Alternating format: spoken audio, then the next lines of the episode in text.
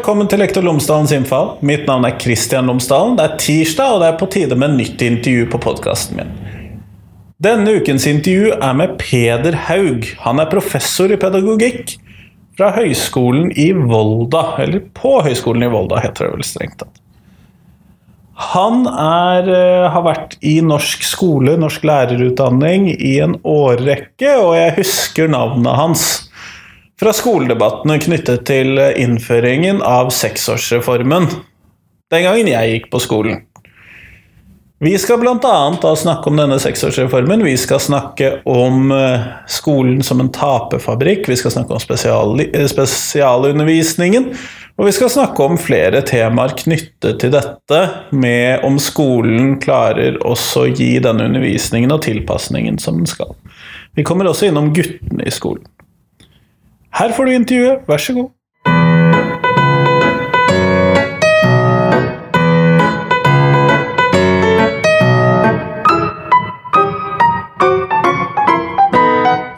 Tusen takk for at jeg har fått lov til å komme og møte deg, Peder Haug. Det var veldig kjekt å bli spurt. Eh, For de av lytterne mine som ikke skulle kjenne deg fra før av, kunne du ha fortalt eh, tre ting om deg selv? Ja, det er mange ting å fortelle. Eh, Den viktigste tingen er vel at jeg er pedagog i tyinga lærer. Jeg tok lærerutdanning for eh, snart 50 år siden. Lærerutdanninga mi var toårig. Eh, I dag vil jeg ikke få lærerjobb noen plass, fordi jeg oppfyller ikke et eneste av kompetansekravene som eh, lærere i dag må oppfylle for å få jobb.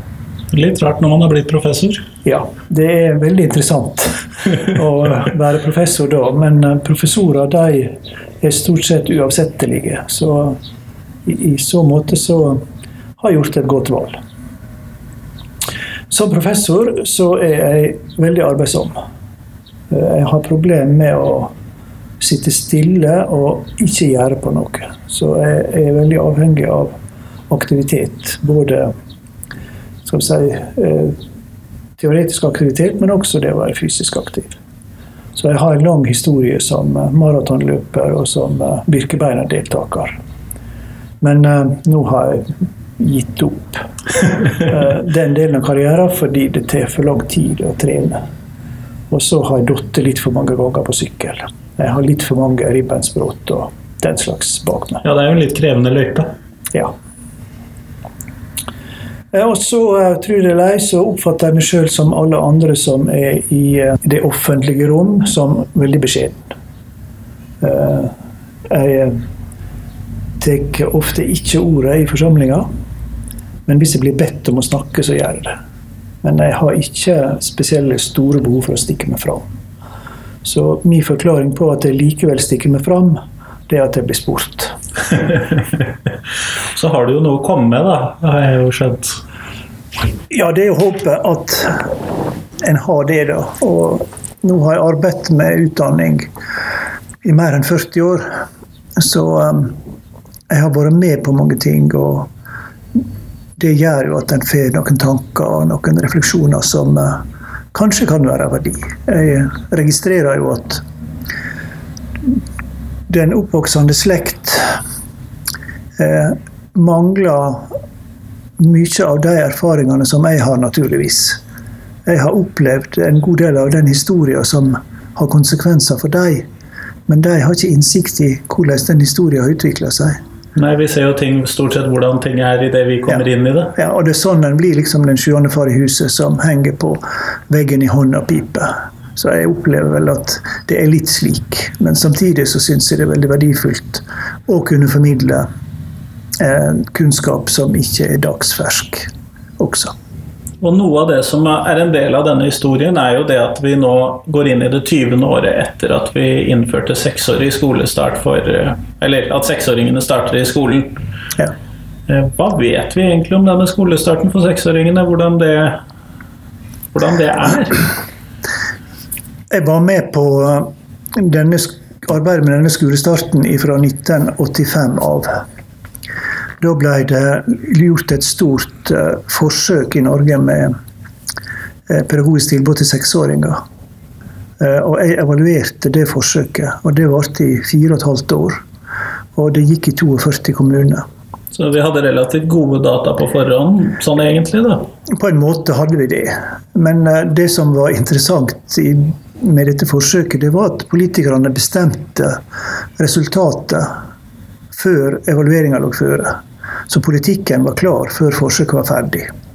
Ja, nettopp. Det er litt spesielt. Eh, det er faktisk ikke så spesielt. I eh, norsk utdanningspolitikk så er dette dette har skjedd flere ganger. At en setter i gang med et utviklingsarbeid, og under utviklingsarbeidet så bestemmer en politikken. Det var jo den måten en innførte niårig skole på også. Niårig skole ble vedtatt i Stortinget i 1969. Eh, da var det mange kommuner som hadde innført niårig skole allerede. Jeg starta på niårig skole da jeg begynte på skolen. Ørsta kommune, der jeg vokste opp, var det en av de første kommunene som innførte niårig skole som et forsøk. Men dette ble heller ikke da evaluert da, som ferdig, i hvert fall? Nei, nei, det ble ikke det. Så politikerne de bestemte allerede før saka kom til Stortinget at seksåringene skulle begynne på skole. Og Så ble dette gjort til sak i Stortinget, og så ble det jo da formelt vedtatt. Og Der var argument for det. Eh, og de argumentene gikk stort sett ut på at det ville øke kunnskapsnivået å få seksåringene inn, og det ville redusere de sosiale skillene mellom elever. Tanken var at hvis du får tak i dem, de tidligere du får tak i dem, de større sjansen for at du reduserer negativ påvirkning fra miljøet elevene vokser opp i. Og dette var jo lenge før barnehageforliket osv.? Sånn ja da, det var det. Eh, og barnehageutbygginga var ikke kommet så veldig langt på denne tida. Ehm, så, så denne argumentasjonen kjøpte da politikerne på tross av veldig stor motstand, spesielt fra barnehagesida. Men også fra andre. Norges Husbolag f.eks. var veldig sterkt imot. Uh, og Så ble det jo seksårsskole da, i 1997. Og nå er det 20 år siden, og ingen har egentlig forska særlig på hvordan dette har gått. Men vi har litt informasjon som kommer indirekte gjennom andre undersøkelser som er gjort. Og Den viktigste er altså resultatene fra de internasjonale kunnskapsundersøkelsene PISA og TEAMS. Og så er det noen få norske undersøkelser i tillegg. Og De undersøkelsene er relativt entydige. Nemlig, de viser at det har ikke skjedd noen ting når det gjelder verken eh, kunnskapsnivå eller sosiale skilnader. Ting er som det var før Reform 97. Faktisk er det slik at uh, vi gikk på en smell gjennom eh, slutten av 90-tallet, begynnelsen på årtusenskiftet, der det, eh, kunnskapsnivået faktisk gikk ned. Så nå har vi kommet opp igjen på det nivået vi hadde rundt 97. Så Seksåringene de har kommet inn i skolen. Vi har ett år mer skole, men skoleresultatet har ikke endra seg.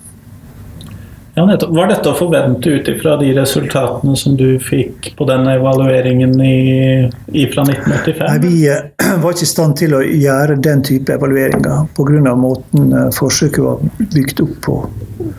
Eh, så vi hadde egentlig ingen idé om det. Men sett i ettertid, når, når en vet hva som har skjedd i perioder fra 1997 og til i dag, så er det, dette ikke så spesielt uventa. Fordi det har skjedd veldig mange andre ting i samfunnet i denne perioden. Vi har blitt en veldig rik nasjon. Eh, vi har hatt mye penger. Eh, vi har skifta regjeringer ganske mange ganger. Eh, hva som har vært viktig i skolen, har forandra seg. Dette med å prestere, spesielt på realfagssida, har blitt mye viktigere enn det var. Eh, retorikken knytt til seksåringene det var det beste fra barnehagen. Det var stor vekt på leik, lekepreget aktivitet. Det ble plutselig borte. Ja, Det har jeg ikke sett så mye ut av for min, min seksåring. i hvert fall. Nei, det forsvant egentlig i 2003. Da kom det resultat fra Pearls, som er en annen internasjonal undersøking som uh, studere lesing, bl.a. Og der kom vi veldig dårlig ut. Og det førte til at det ble et krav om at uh, leseopplæringa skulle starte i første klasse, og ikke som det sto i læreplanen at den skulle ta til primært i andre klasse. Så Dermed så forsvant deler av Reform 97 ut. Altså Vekt på leik, vekt på frie aktiviteter, ikke så stort kunnskapspress. At en skulle vente med de sterke tinga, liksom. Så dermed så for en tilbake igjen til mer tradisjonell skole. Så det har vært veldig mye turbulens knytt til skolen i denne tida. I tillegg så fikk vi jo satsinga på ungdomstrinnet. Og Det var et konkret konsekvens av evaluering av Reform 97, som sa at barnetrinnet har utvikla seg pedagogisk ganske bra, men på ungdomstrinnet så er det svært store utfordringer som nå bør takes tak i. Så ungdomstrinnsatsinga som har vært nå de siste åra, den er en direkte konsekvens av disse funnene. Så dermed har han flytta fokuset fra begynneropplæringa og til ungdomstrinnet også. Så til sjuende og sist så sitter vi igjen med at politikken har forandra seg. Verdiene har forandra seg, og seksåringene har vært med på den ferden. Og konsekvensene for dem har vært at skolen har ikke blitt ett år bedre enn han var før det ble tiårig år i grunnskole. Sånn at mye av den argumentasjonen da, som da vant seksåringen inn i skolen, har da ryket ut med badevannet i løpet av tiden etter? Det ser sånn ut. Det gjør det. Eh, men sånn som eh, For det ser ut til at dette da Og det, du trekker fram dette med satsingen på ungdomsskolen, så ser det ut som dette kan ha fått en viss følge for behovet for f.eks. spesialundervisning og sånn senere i grunnskolen i forhold til tidlig? Eh, altså mindre fokus på tidlig innsats på læring? Ja, vi eh, sammenligner oss jo ofte med Finland. Og det, det som er ei sak, er at finnene starta i skolen sju år, og vi er seks. Så de har et år mindre skole, men de er mye bedre enn oss på disse internasjonale undersøkelsene. Det er nå et annet signal. Finnene de klarer også å gi mest spesialundervisning og mest hjelp i begynnelsen på, sku, på skoleåra. Eh, og så har de faktisk en kurve som går nedover. Slik at eh, når elevene kommer på slutten av den obligatoriske skolen, så er omfanget av spesialundervisning minst. Så, og det dokumenterer at de klarer å hjelpe veldig mange elever som strever, til å eh, komme over eller klare å leve med det de strever med. Vår kurve er omvendt. Vi gir lite spesialundervisning og lite hjelp i begynnelsen på skolegangen, og så gir vi mye hjelp på slutten. Og, og, og, det er negativt for elevene. For de aller fleste elevene som strever, de strever allerede fra dag én. Så det er bare et spørsmål om å akseptere at de strever, og sette inn hjelp så fort som mulig.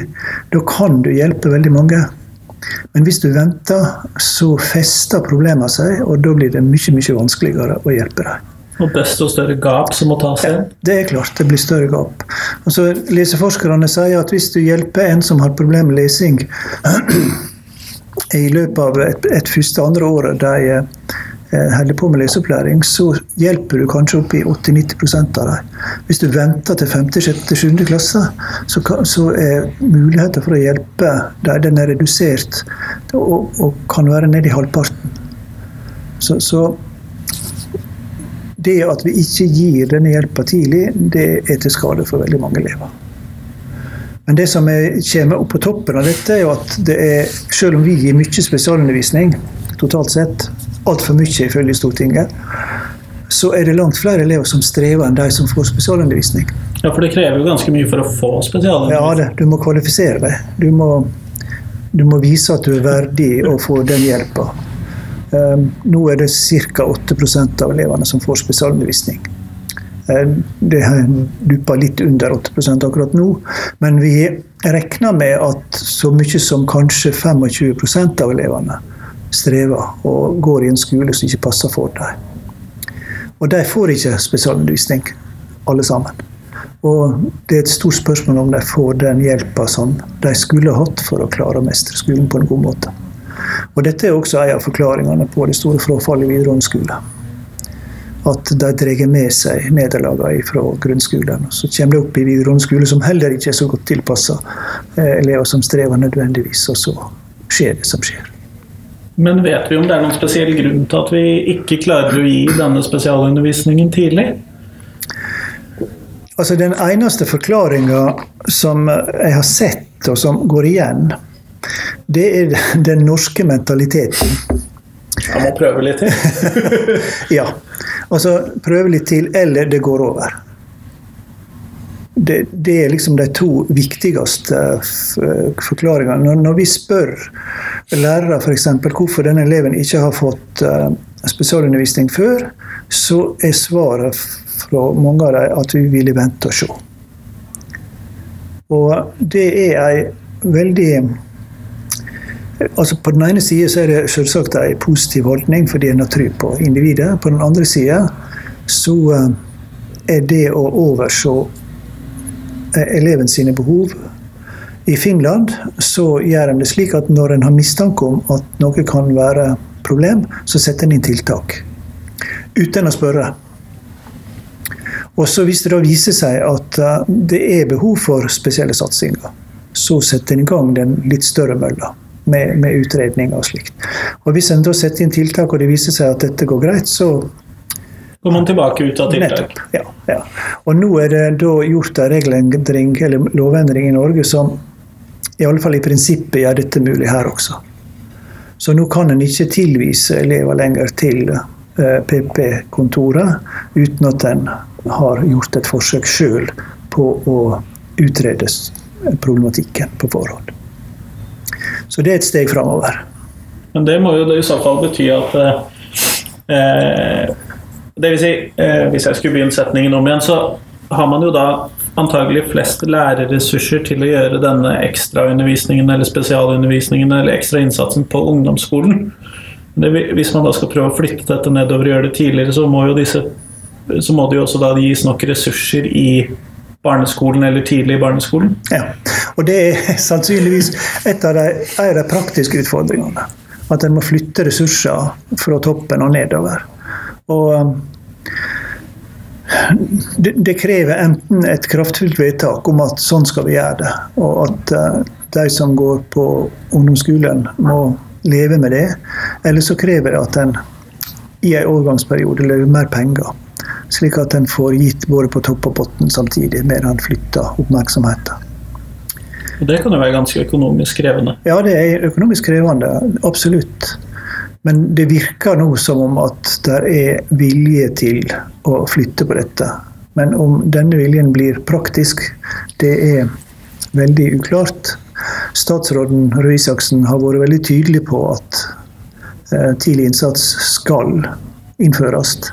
Men det er mange statsråder før han som har vært tydelige på det samme, uten at det har noen, gitt noen særlig effekt. Da må man jo se om de faktisk klarer å tilføre de midlene og øremerke dem og så videre, sånn som kanskje kreves. Ja, og i tillegg må en få med seg eh, lærerne og, og skoleleirene og for så vidt barnehageleirene også. Og at de er i stand til å gjøre dette i praksis. Mye som må gjøres, med andre ord. Ja. Hvis vi vender litt tilbake til seksåringene eh, Hvordan kunne vi gjort det slik at det ble bedre eller riktigere for skolestart for seksåringene, eller eh, bør vi reversere hele den seksårige skolestarten? Nei, Reversering det har jeg ikke noe tro på. Hele Skole-Norge er bygd opp med tanke på at seksåringene skal være der. Så hvis vi skal reversere det, så må vi til å bygge mer barnehageplass igjen. så det, det, det tror jeg ikke er noe realistisk politisk løsning. Det som jeg syns kunne være løsninga, det var at en tenkte om igjen hvordan en skal organisere og legge opp arbeidet med skolestarten. At en i litt større grad enn tilfellet i dag gjorde den litt mykere. At en tok på alvor dette med bruk av leik som virkemiddel i læring. Men da mener jeg at da må skolen drive med leik på sine premisser. Og Det betyr altså at uh, leiken er ikke noe som står for seg og som en holder på med som, som fritidssyssel, men at leiken er en integrert del av den læringsaktiviteten en holder på med. Altså Da skal det bli leik, lekeprega matematikkarbeid. Du skal ha skriving eller lesing som er kobla opp til lekeprega aktivitet. De som kan dette, de får det veldig godt til. Og da opplever, ser det ut til, de elevene det gjelder, eh, læringa som, som veldig enkel. Og de har veldig positive følelser omkring den. Det blir rett og slett kjekt. Alternativet er da at de blir, får en undervisning som er tradisjonell, med lærerstyring, med litt uh, fortelling, og så skal den løse oppgaver. Mye stillesitting? Ja, ja, rett og slett. Så jeg kunne tenke meg at vi bygde på en del av de erfaringene som vi hadde i dette forsøket med pedagogisk tilbud til seksåringer. For der ble det utvikla arbeidsformer for f.eks. leseopplæring som var veldig knytt opp til dette lekeprega virksomheten. Og at en kunne tatt det igjen og sett på det og videreutvikle det, det tror jeg kunne vært en løsning. For uh, da vi holdt på med dette, så var det helt tydelig i internasjonale undersøkelser at en del seksåringer ikke tåler de belastningene det er å være i sånne strukturerte situasjoner så lenge. Det, det, det, det er med på å redusere lærelysta, redusere motivasjonen til læring. Og det har langtidseffekt. Hvis vi kunne få bort det, så hadde vi kanskje gjort en god gjerning.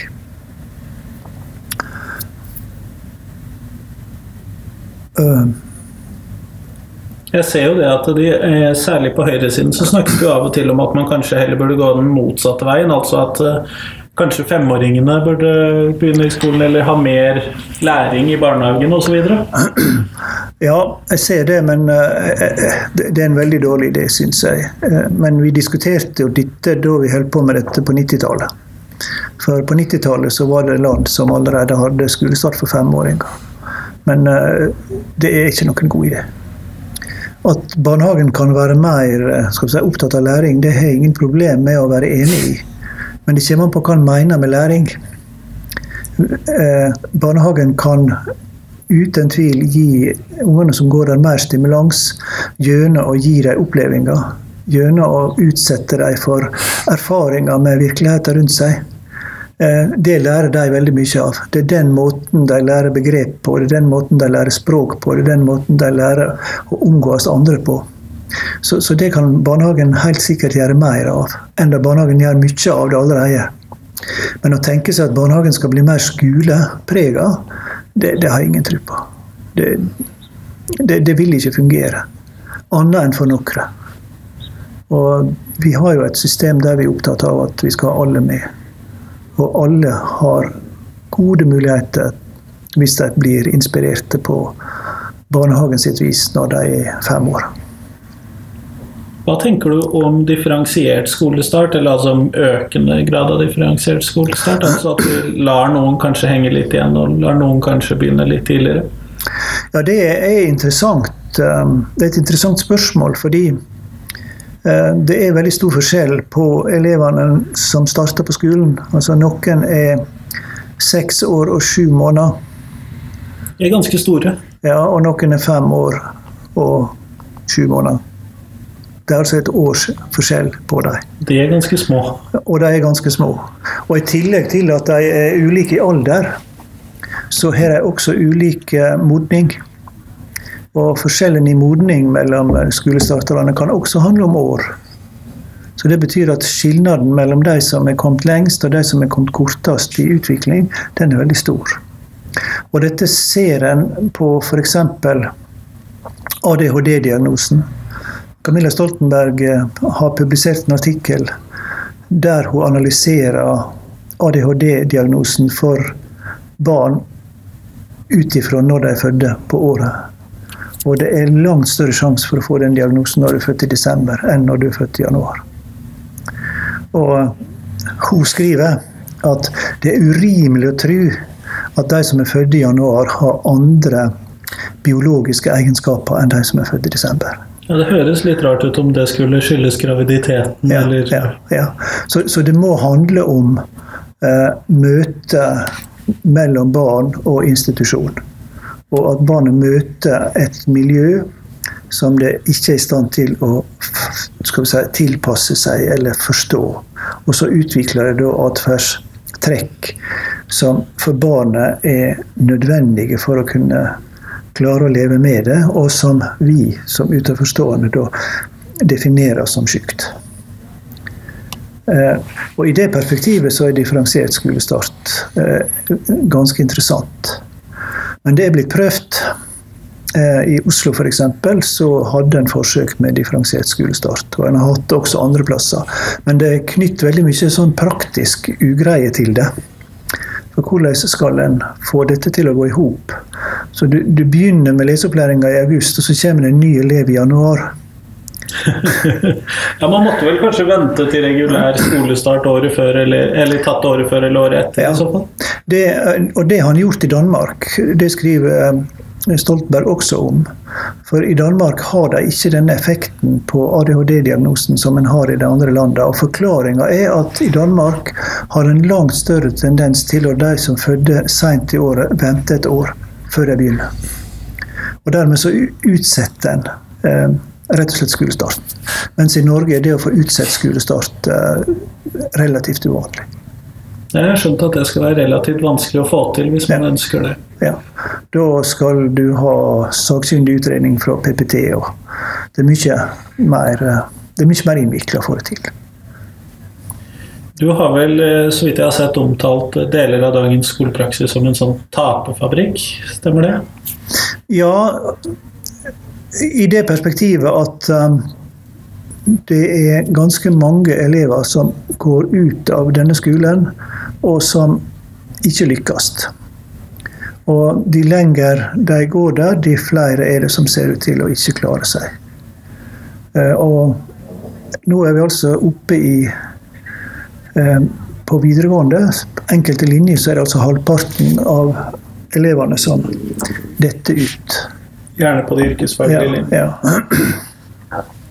Eh, nå er det jo mange som sier at det at de ikke klarer seg på skolen, det er ikke så alvorlig. For hvis en ser på det i et litt lengre perspektiv, så er det veldig mange av de elevene som slutter på videregående, som får seg andre jobber, som etablerer seg i samfunnet, som lever et helt vanlig liv. Og. Så, så, det kan godt hende at omfanget av problemet er mindre enn det det ser ut til akkurat i ungdomstida. Ja, for etter den femårsstatistikken så er jo dette et relativt alvorlig høyt tall? Ja, det er det. det, er det. Men hvis en tar et tiårsperspektiv eller et 20-årsperspektiv, så blir tallet mye mindre. Men likevel så er det tankekors at vi i den norske stat lager institusjoner som utsetter ganske mange barn og unge for et tilvære der de blir tapere. Og da går de hver dag på skolen og har det ikke godt. Og Det er kanskje stikk motsatt av skolens oppgave? Ja, det er stikk imot skolens oppgave, det er stikk imot skolens ambisjon. Uh, og jeg tenker ofte, når jeg ser på resultat som vi har på forskningsprosjekt, at hvis disse negative opplevelsene hadde Hvis vi hadde funnet dem på min arbeidsplass, så hadde dette blitt en sak for HMS-systemet. Eh, Noe hadde måttet bli gjort, ja. og man hadde hatt rettigheter til å få ja, det gjort. Ja. Og, og, I verste fall så ville altså institusjonen kunne blitt stengt. Men i skolen så er det altså elever som har det så vondt eh, at de blir skolevegrere. De nekter å gå dit. Og, og da blir de For å sette det på spissen, de går altså i terapi for å klare å leve med det som er så vondt for dem. Ja, For de må jo dukke opp allikevel? Ja. De, de, de, må det på et eller annet vis. Og dette tankekorset det, det syns jeg blir større og større. At vi lager institusjoner som presser den store elevvariasjonen som vi har, inn i mønster som ikke passer for alle. Hva tenker du at vi bør gjøre for å fikse dette? Er det flere forskjellige typer skole vi trenger, eller er det skolestarten og den tidlige innsatsen som må til, eller eh, er det andre ting? Ja, hadde jeg hatt svaret på det, så skulle jeg gått inn i politikken. Men eh, det som litteraturen, i alle fall, som jeg leser, er opptatt av, det er at vi må ha et skolesystem som er langt mer fleksibelt. Som åpner for andre løsninger enn de løsningene som i dag finnes. Altså Det må bli mulig å gjøre forskjellige ting innenfor den samme ramma. I mange kommuner så etablerer en nå spesialskoler. En kaller ikke det spesialskoler. Men det, det liker vi ikke lenger. Nei, det, det er avskaffa. Men kaller, det er altså mindre grupper elever som får tilhold ofte utenfor skolen, der de får et annet innhold. Da får de drive langt mer med praktiske ting. De får også teoretisk undervisning i skolefagene, men de får også gjøre andre ting som å snekre eller male eller brøyte jord eller litt praktiske ting. Og for iallfall noen av disse elevene så er dette med på å gi mening i livet. Og Da stiller jeg spørsmålet hvorfor kan en lage sånne tilbud på den vanlige skolen, i den vanlige institusjonen? Hvorfor kan en ha den fleksibiliteten? Hvorfor må en flytte elevene fra morskolen og så ut jeg skulle til å si på ei øde øy, for å, for å gi dem et annet tilbud der. Um, og, og, Sånne eksempel finnes det også i, i, mange andre land. og Da viser det seg at disse mindre institusjonene det, det, kan fungere veldig godt. Det behøver ikke å gjøre det, men det, det, kan gjøre det. Og Da er mitt svar altså fleksibilitet. Og fleksibilitet er også knyttet til lærerkompetanse. Og så skal du klare å møte mange elever som har ulike si, forutsetninger, så krever det lærere som har høy kompetanse. Og jeg ser med stor glede på en aksjon som nå går, foregår på nettet, om at elever skal takke lærerne sine. Ja, den har jeg lagt merke til. Ja. Og da ser jeg det som, som er fantastisk, at elever som er blitt opplevd som fullstendig umulige og som fullstendig ubrukelige, de har altså møtt en person som har forandra livet deres. Og som nå som voksne kan stå fram og takke og si at fordi du, lærer, gjorde det og det, så snudde livet seg for meg. Og da gjorde jeg noe som gjorde at jeg kom en helt annen plass i livet enn det det så ut til å, å føre til. Det er hvor denne fleksibiliteten eller det å bli møtt og sett faktisk har fungert godt? Ja, det har fungert. Og så handler det altså om lærere som er kompetente. Og som, som evner både å se, og som evner å handle og som på en enkel og, og Disse lærerne har ikke gjort noen sånn fantastiske grep. altså Det, det er ikke englepedagogikk det handler om, men det handler altså om å se mennesket og, og ha den kompetansen og, og, kunne få en relasjon til en person. Og Det syns jeg er, også er ei greie i dag når vi diskuterer lærerutdanning på masternivå. Ja, det har jeg også tenkt litt på, fordi at den der masterutvidingen ser ut i hovedsak å dreie seg om ren faglig utvidelse. Ja, Til å begynne med så var det en bærefag.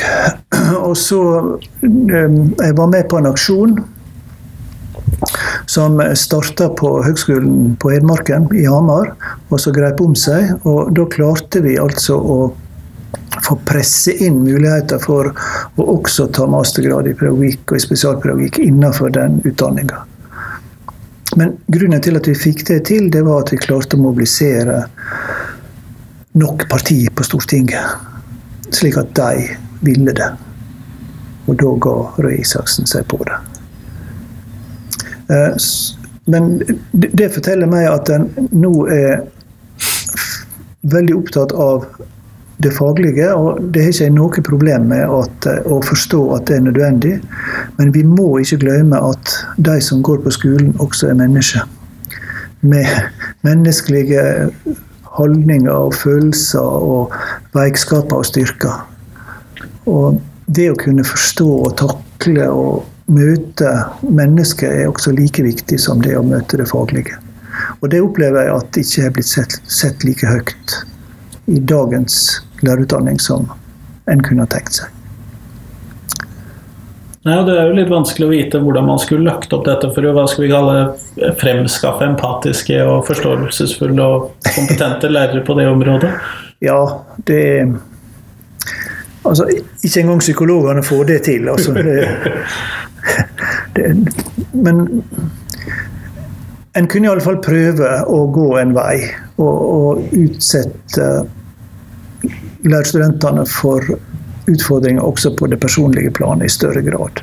La dem møte en del av disse utfordringene. La dem få kjenne på hvordan det er å være i en situasjon der du skal hjelpe folk som har problemer med andre ting enn fag.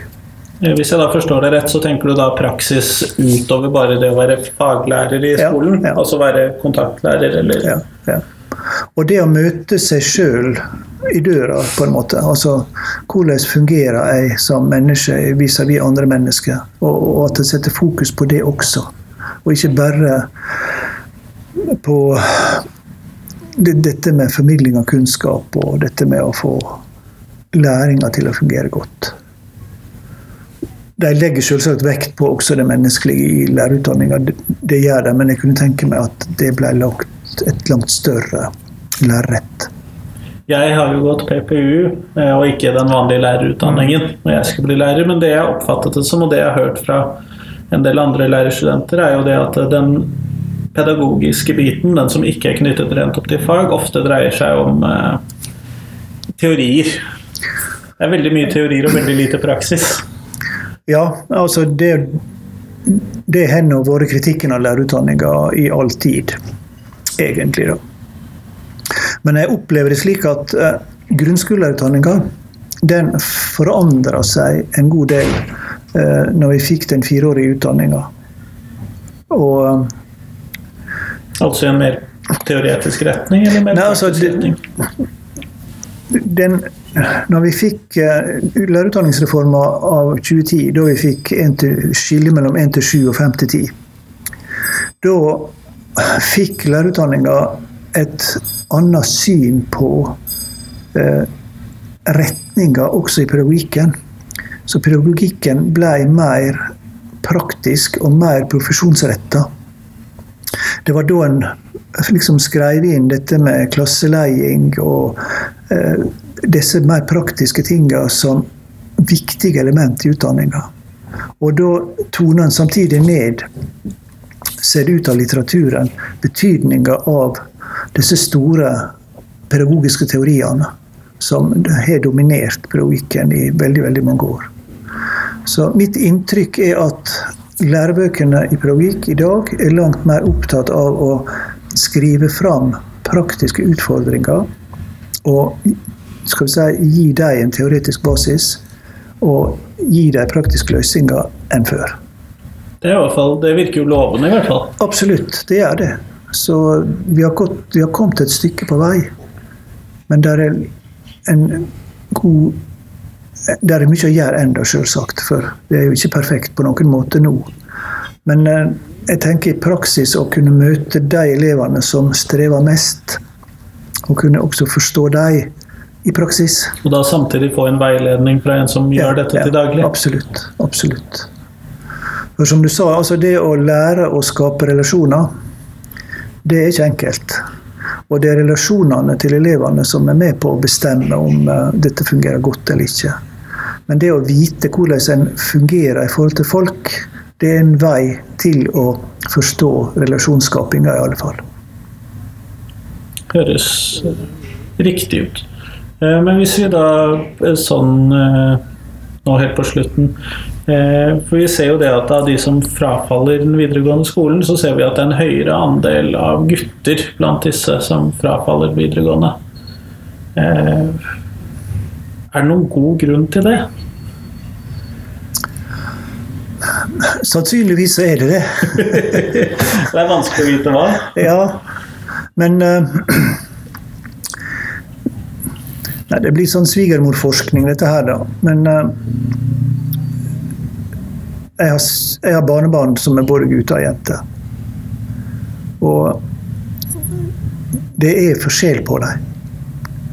Og, og forskjellen den går veldig tydelig i den klassiske fordomsfulle kjønnsrollemønsteret. Så jentene er opptatt av andre ting enn guttene er opptatt av. Guttene er mer maskuline i atferden sin enn jentene, og jentene er opptatt av disse feminine syslene. Som, som vi fordomsfullt kaller feminisme, eller hva det nå er for noe. Så det forteller meg kanskje at gutter og jenter har ulike retninger i interesse. Og da klarer ikke skolen å møte guttene på samme måte som de møter jentene. Og da er det på en måte at guttene da ikke klarer seg, det er da systemskapt. Og det er da skolen som kunne ha gjort noe annet, som må ta ei Eller som må sies å ha ei skyld i at dette skjer. Og at dette er uheldig, det er det. Selv om disse forskjellene helt sikkert nå blir overdrevne. For kjønnsforskerne de peker jo på at det er mange jenter som ikke fungerer. De peker på at det er veldig mange gutter som fungerer. Så, så, det er ikke slik at alle jenter fungerer godt og alle gutter fungerer dårlig, men her er grupper som ikke klarer det. Og Da har vi altså ei gruppe gutter som ikke fungerer, og blant de guttene så er det en god del som ikke klarer seg i samfunnslivet. Og de blir rekruttert veldig mye fra den gruppa som ikke klarer seg i videregående. Det ser ut til å være testen. Klarer du det videregående, så klarer du på en måte Eller sjansen for at du klarer det bedre i livet, større. Og så er det en gruppe jenter som også har problemer. Akkurat nå blir det sett på dette med mental helse, men det kan være andre ting som, som også forklarer det. Så det betyr at det er ille. Fordi en her gir dem en ulik ballast å møte resten av livet med. Så det burde vi ha erkjent mye tidligere. Og hvordan en skal møte det? Jo, igjen så må en møte det med fleksibilitet og erkjenne at ulike gutter har ulike interesser, og de må vi møte. Jenter har ulike interesser, og de må vi møte. Og ikke standardisere den opplæringa i så stor grad som vi gjør. Så guttene må kunne få lese andre ting enn traudig skjønnlitteratur, f.eks. Ja, man skal være fleksible på hva som leses, i hvert fall. Det ja, helt. Ja. Eh, men så helt siste spørsmålet som jeg stiller til alle på podkasten. Og det er hva ville du gjort i norsk skole i morgen hvis du hadde fritt mandat og fritt budsjett? Altså hvis vi fikk Peder Haug som uh, skole, norsk skolediktator? Dette har jeg tenkt veldig mye på. Og når jeg har gjort det, så har jeg liksom vikla meg inn i de store skolereformene. og da har jeg blitt værende der. Altså, jeg har ikke kommet ut igjen. Så det jeg til slutt har tenkt, det er at hvis en fikk en sånn uh, udelt og makt, da ville jeg sørge for at alle elever i Norge fikk en lærer som de hadde god kontakt med, og som de kunne stole på. Hvis du spør meg hvordan jeg skulle gjøre det, så veit jeg ikke det. Men eh, en diktator får det sikkert til. Får håpe det i så fall. Tusen takk for at jeg fikk lov til å komme og prate med deg. Takk for det.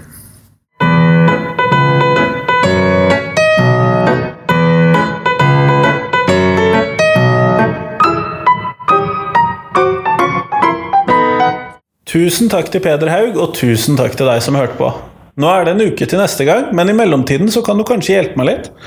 Hvis du går inn og trykker 'like' på Facebook på podkasten, hvis du trykker 'like' på enkelte av episodene mine, hvis du skriver en anmeldelse på Facebook, hvis du skriver en anmeldelse i iTunes, ehm, så hjelper du meg å spre podkasten til nye lyttere av podkasten. Og da får flere muligheten til å høre, vel, i mine øyne, disse flotte intervjuene. Sånn at jeg håper du kan hjelpe meg med det. Ellers så Del gjerne en episode hvis du tror at du har en venn eller bekjent som vil sette pris på en enkelt episode eller to. Det kan jo være nyttig for mange og enhver. Eller så håper jeg du har en fin uke til neste gang. Hei, hei!